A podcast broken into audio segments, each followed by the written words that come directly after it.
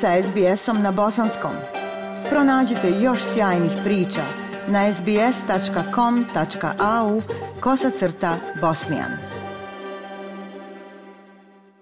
Aisha, lijep pozdrav tebi i slušateljima SBS radija. Bosna i Hercegovina je 25. novembra obilježila Dan državnosti.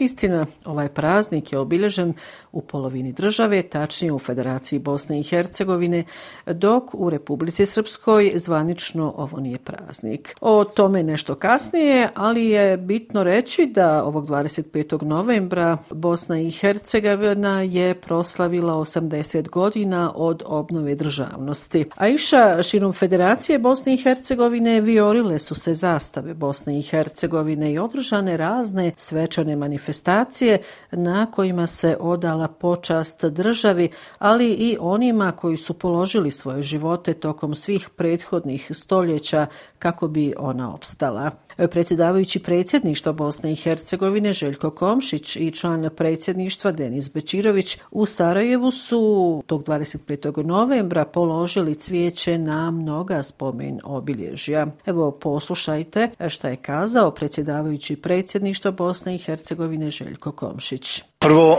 svim građankama i građanima Bosne i Hercegovine čestitam ovaj veliki dan, jedan od dva najveća dana u toku godine koji se tiču svih nas zapravo u Bosni i Hercegovini, bez obzira kako ih posmatrali i kako se odnosili prema njemu.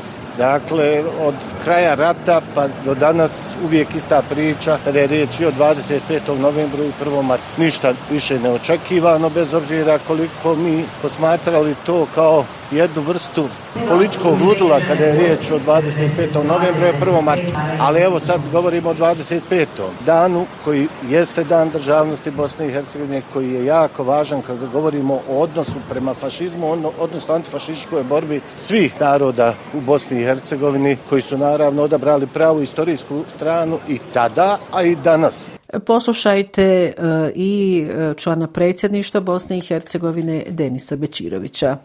Građankama i građanima Bosne i Hercegovine i svim narodima u Bosni i Hercegovini iskreno čestitam naš veliki praznik, državni praznik, Dan državnosti Bosne i Hercegovine. Svi ljudi u našoj zemlji mogu i trebaju biti ponosni na ovaj veliki praznik. Zavno bih je mjesto sabiranja, sve bosanskog sabiranja, mjesto sinteze, mjesto i događaj koji nam govore da i u budućnosti izlaz nije u svađama, prepirkama i mržnji, već u saradnji, dijalogu i zajedništvu. I prije ili kasnije u cijeloj Bosni i Hercegovini mora preovladati jedna nova generacija i političkih djelatnika koji će ovu zemlju čvrsto usmjeriti u pravcu budućnosti, poštujući sve one velike događaje iz naše prošlosti. Želim također istaći da nije tačno da Bosna i Hercegovina nema kontinuitet. Čak i Dayton nije mogao da uništi Zavnobihovske temelje, jer Zavnobih je priznao historijske granice Bosne i Hercegovine, ali i Dayton je potvrdio te granice. Zavnobih je proklamovao ravnopravnost svih građana i naroda,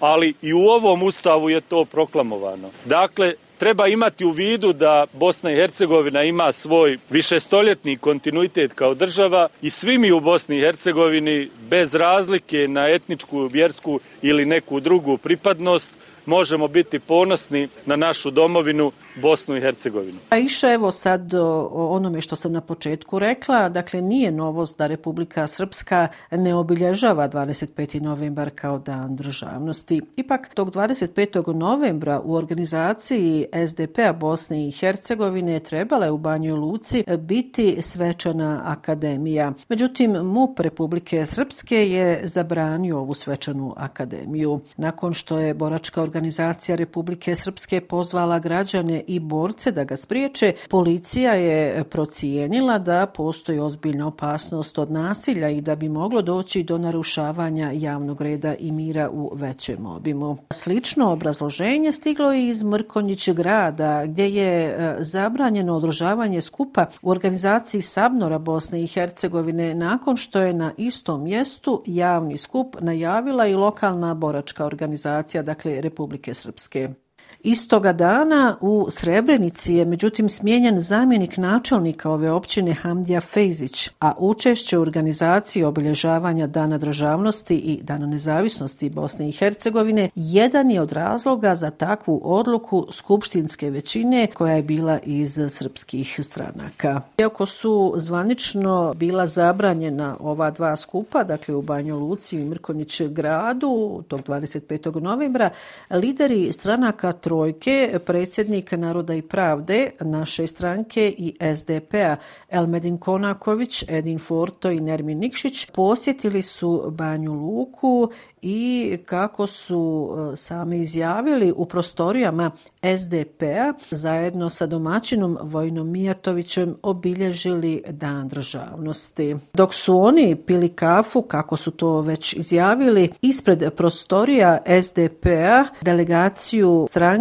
Trojke dočekala je grupa građana Banje Luke koja je putem zvučnika puštala pjesme o Srbiji, pjevala ih i zviždala dakle e, trojici stranačkih lidera koji su došli iz Sarajeva da obilježe dan državnosti u Banjoj Luci. 24. novembra u Sarajevu je boravio ministar vanjskih i evropskih poslova Hrvatske Gordon Grlić Radman. On se sastao sa predsjedavajućom vijećom ministara Bosne i Hercegovine Borjanom Krištom te ministrom vanjskih poslova Bosne i Hercegovine Elmedinom Konakovićem. Grlić Radman i Konaković održali su pres konferenciju nakon njihovog sastanka. Poslušajte šta je još izjavio gost iz Hrvatske, ministar ministar vanjskih i evropskih poslova Hrvatske Gordon Grlić-Radman.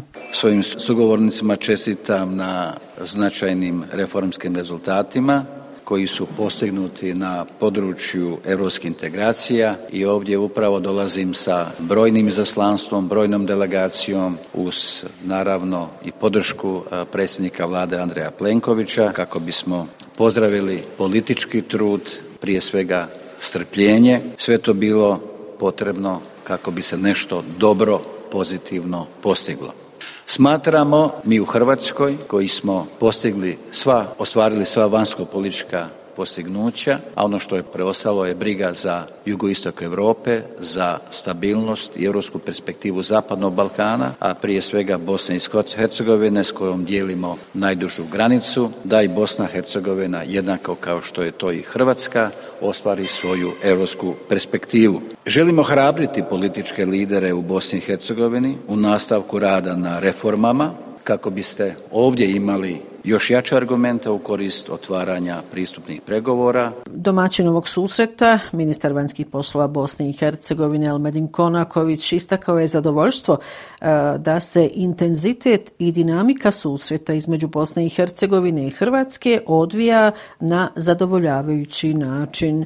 Evo šta je još pored ostalo kazao ministar vanjskih poslova Bosne i Hercegovine Elmedin Konaković. Današnji sastanak primarno je fokusiran na ovaj momentum kako ga mi zovemo, na situaciju u kojoj Bosna i Hercegovina ima na stolu ponudu, mogu tako slobodno reći od strane Europske unije, koju ranije nikada nije imala, ima političku spremnost zbog promjene odnosa unutar same Europske unije, promjene stava prema samom proširenju, da ugrabi možda zadnji voz za te ozbiljne evropske integracije. U dijelu ekonomskih reformi na stolu postoji plan rasta za Zapadni Balkan koji do sada nikada ovom prostoru nije ponuđen i to je nešto zbog čega bi političari u Bosni i Hercegovini još jednom apeluje morali imati imati visoko razvijenu svijest o važnosti ovog trenutka i samom prioritetu donošenja onih odluka koje nas vode ka Evropskoj uniji. Dosta bure je izazvala izjava ministra odbrane Bosne i Hercegovine Zukana Heleza. Naime, u posljednjem gostovanju na televiziji N1 ministar Zukan Helez je kazao da postoje ruski paravojni kampovi koji djeluju pod ingerencijom MUPA Republike Srpske. Hrvatske. On se pozvao na obavještajne podatke.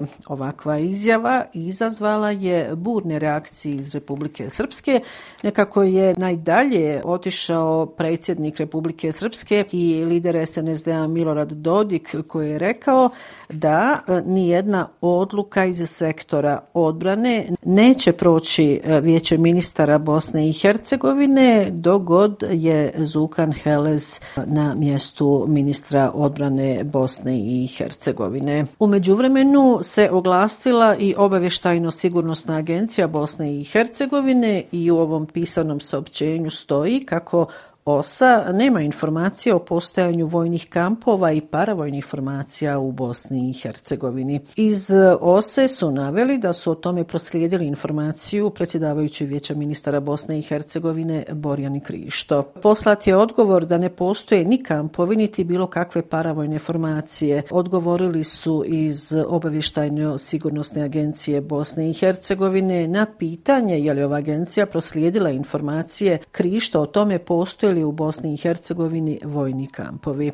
I za kraj još jedna informacija. Upravni odbor Kliničkog centra Univerziteta u Sarajevu na sjednici u Sarajevu 27. novembra smijenio je generalnu direktoricu ove zdravstvene ustanove Sebiju Izetbegović. Za novog vršitelja dužnosti i direktora imenovan je Alen Pilav. U odluci o razrješenju se navodi da je Sebija Izetbegović razriješena zbog gubitka statusa nastavnika medicinskog fakulteta u rangu redovnog ili vanrednog profesora, odnosno docenta. Dalje se navodi da će Izetbegović nakon prijema ove odluke u roku od tri dana izvršiti primopredaju službenih predmeta i dokumentacije vršitelju dužnosti direktora. I eto, to je bila i posljednja informacija u ovom javljanju iz glavnog grada Bosne i Hercegovine. Još jednom vam lijepe pozdrave iz Sarajeva šalje Semra Duranović-Koso.